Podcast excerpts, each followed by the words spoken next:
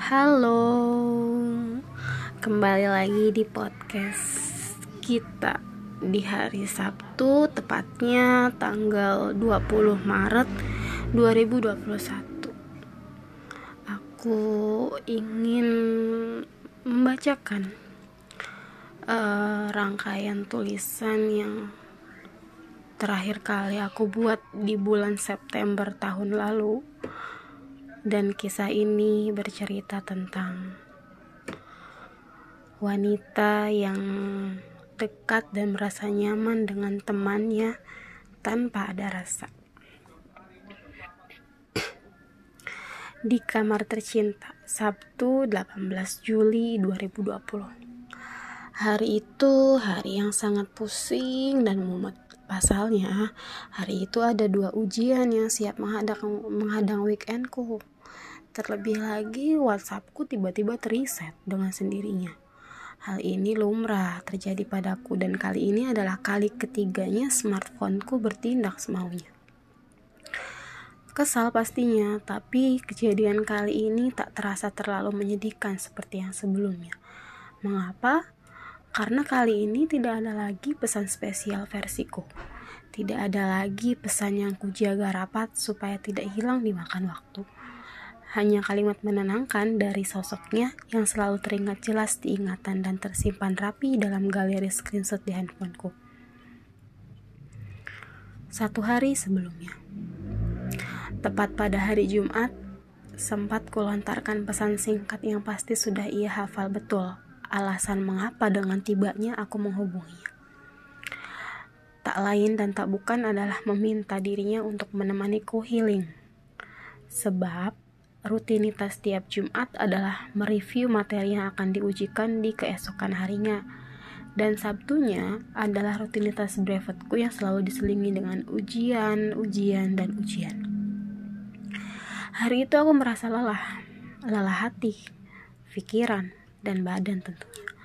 Entah mengapa, jika semua rasa itu sudah melebur jadi satu, satu hal yang kuingin adalah healing yang ditemani olehnya.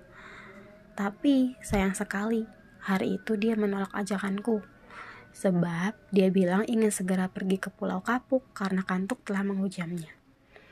Langsung kuiyakan penolakannya walau sempat merasa sedikit kesal. Sabtu tepat jam 5 sore. Rasa lega yang sejak kemarin kutunggu akhirnya datang juga. Setelah sesi pembelajaran selesai, diriku yang penat ini harus diberi apresiasi walau hanya dengan rebahan seharian sambil ditemani tontonan di YouTube dan juga sembari diselingi dengan adanya pesan singkat hangat dan menenangkan dari sosok Koelus. Sabtu malam minggu Sapaan singkat yang kulempar ketika pagi hari dariku baru ia balas di malam hari. Tepat jam 11.31 waktu Indonesia Barat. Hal seperti ini kerap kali terjadi ketika di planet kesayangannya sedang susah sinyal. Aku memakluminya, sebab planetnya dan planetku memang tak sama. Selalu kuawali dengan pertanyaan, sibuk gak? Sebab aku tak mau mengganggu kesibukannya hanya demi meladeni ocehanku yang sangat tidak berfaedah ini. Aku tahu sosok sepertinya mudah berterus terang, maka dari itu ketika keinginanku ingin segera terlaksana, hal itulah yang selalu kulakukan. Bertanya apakah dia dan hidupnya sedang dilanda kesibukan atau tidak. Jika kemarin ajakanku ia tolak, lain halnya dengan kali ini. Pertanyaan sederhana darinya seketika membuatku untuk segera meluncurkan keluh kesah atas apa-apa yang terjadi padaku hari itu. Tak apa, walau tak ia kubris, wajar saja. Sebab jika diriku yang menjadi dirinya, aku pun akan dilanda kebingungan. Bingung harus menjawab dengan jawaban yang seperti apa dia lelaki yang terkesan cuek dan bodoh amat, dan wajar juga jika hal seperti itu tak ia gubris. Sudah ribuan kali aku berpikir untuk bertanya tentang planet apa yang ia sukai, tapi selalu kuurungkan. Sejak kuputuskan nama Koelus menjadi nama keduanya, sejak saat itu pula niatku muncul. Dan pada saat inilah hal itu baru sempat kulakukan. Dari sekian planet yang ada, lu lebih suka planet apa? Please jangan sukain bulan ya. Emang bulan itu planet ya? Bukan. Jawabku sambil diiringi rasa khawatir akan jawaban yang ia lontarkan jauh di luar pertanyaanku. Kemudian dia menjawab dengan salah satu nama planet kesukaannya dan berhasil membuatku terhenyak. Seketika aku bergumam, emang ada ya? Sembari menahan rasa heran dan penasaran. Seperti biasa, tanyaku langsung ia klarifikasi saat itu. Ada kok, cari saja. Seketika jariku langsung berlari dengan cepatnya ke layar pencarian Google. Rasa penasaranku ingin segera terjawab batinku. Tak sampai satu menit, bukti atas klarifikasinya terpampang jelas di layar smartphoneku. Kaget dan heran lagi tentunya. Sebab dengan sosok sepertinya, aku tuh seperti dikenalkan dengan beberapa hal asing yang menurutnya itu adalah hal yang telah sekian lama mengakrabi hidupnya. Belum sampai sini. Tanyaku belum sepenuhnya terjawab. Seketika aku lontarkan lagi pesan yang ingin segera diberi titik terangnya itu. Ada, tapi iya ada. Cari saja di Google. Sudah dicari, tapi kenapa? Tanyanya. Tanpa basa-basi langsung ku beri alasan mengapa dengan jawaban yang terpampang jelas di Google masih belum memberikan titik terang atas tanyaku.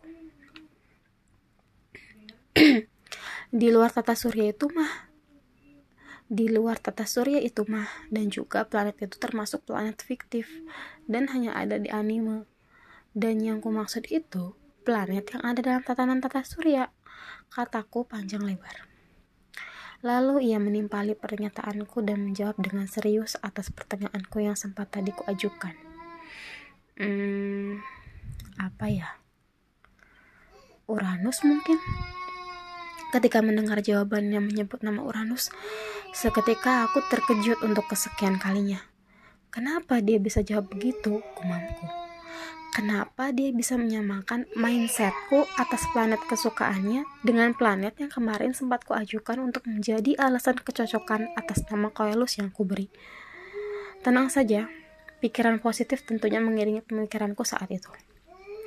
Kali ini, cahaya gelap yang menyimpan banyak tanya itu kembali meredup. Tentunya, hal ini tak kuajukan lagi padanya.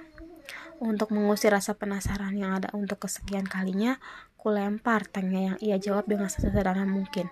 A simple answer, a, a simple answer as like as his personality. Perhatian gue akan astronomi kurang sih. Itu juga karena hero di Mobile Legend. Masih menerima dengan rasa wajar. Sebab game itu adalah salah satu game favoritnya.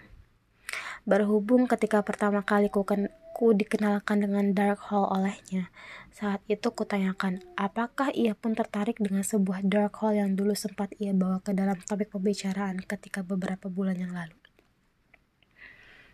Enggak, gue lebih suka White Hall kayaknya. Sampai saat ini, pemahamanku tentang luar angkasa hanya sebatas tahu tentang bulan, bintang, matahari, dan beberapa planet yang ada di tata surya beserta galaksi-galaksinya. Tapi kali ini, lagi-lagi ia membawaku kepada satu hal asing yang belum sempat ku berkenalan dengannya. White Hall di mana? Cari aja coba. He didn't want to tell it by himself. He asked me to search for anymore. Ada ternyata. Gue kira lu cuma ngarang doang tadi. Tapi, White Hall tuh gak bisa masuk dari luar. Terus gimana dong cara lu mau ke sana? Ya memang ada, walaupun itu hanya sebatas teori. Gue lebih suka pola pikir seperti White Hall dibanding harus ke sana. Dia menjabarkan dengan terus terangnya. Rasa penasaranku tidak berhenti sampai di sini. Tidak berhenti walau cahaya gelap yang kian meredup terus-terusan diberi titik terang olehnya. Pola pikir White Hall gimana emang? Majukan perut kita. Hah? Gimana-gimana? Iya, ke Whitehall. Damn, I feel so curiously. Jadi hubungan yang majukan perut sama white hole tuh apa? Itu tuh teori penolakan. Gue tuh memilih menolak kurus. And now the light slowly bright up. Oh, jadi white hole tuh punya teori penolakan dan dark hole mempunyai teori penerimaan, isn't it? Yes, it is. Dan pesan hari itu berakhir dengan rasa senang yang sederhana.